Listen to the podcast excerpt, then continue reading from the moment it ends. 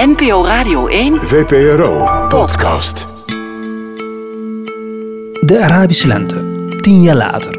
Either this is the first Arab revolution of the 21st century, or it will be brutally suppressed. Eind 2010 stak een straatverkoper in Tunesië zichzelf in brand.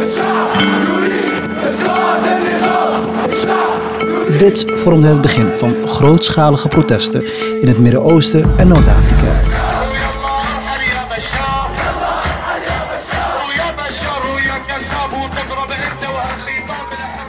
Wat is er tien jaar later overgebleven van deze revolutie? Die volgende ochtend zegt iedereen: uh, kan het leger alsjeblieft een einde maken aan de plunderingen en de verkrachtingen. Dat, dat, vind ik, dat vind ik zo deprimerend aan dictaturen, omdat ze dus hun eigen alternatief verwoesten, vormen ze daarmee hun eigen rechtvaardiging.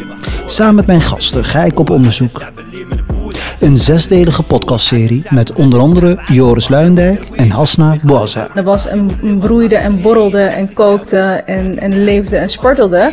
Maar puur het feit dat er in Tunesië gedemonstreerd werd, was al historisch. Mijn naam is Abdou Bouzera. Luister naar de Arabische lente. Tien jaar later.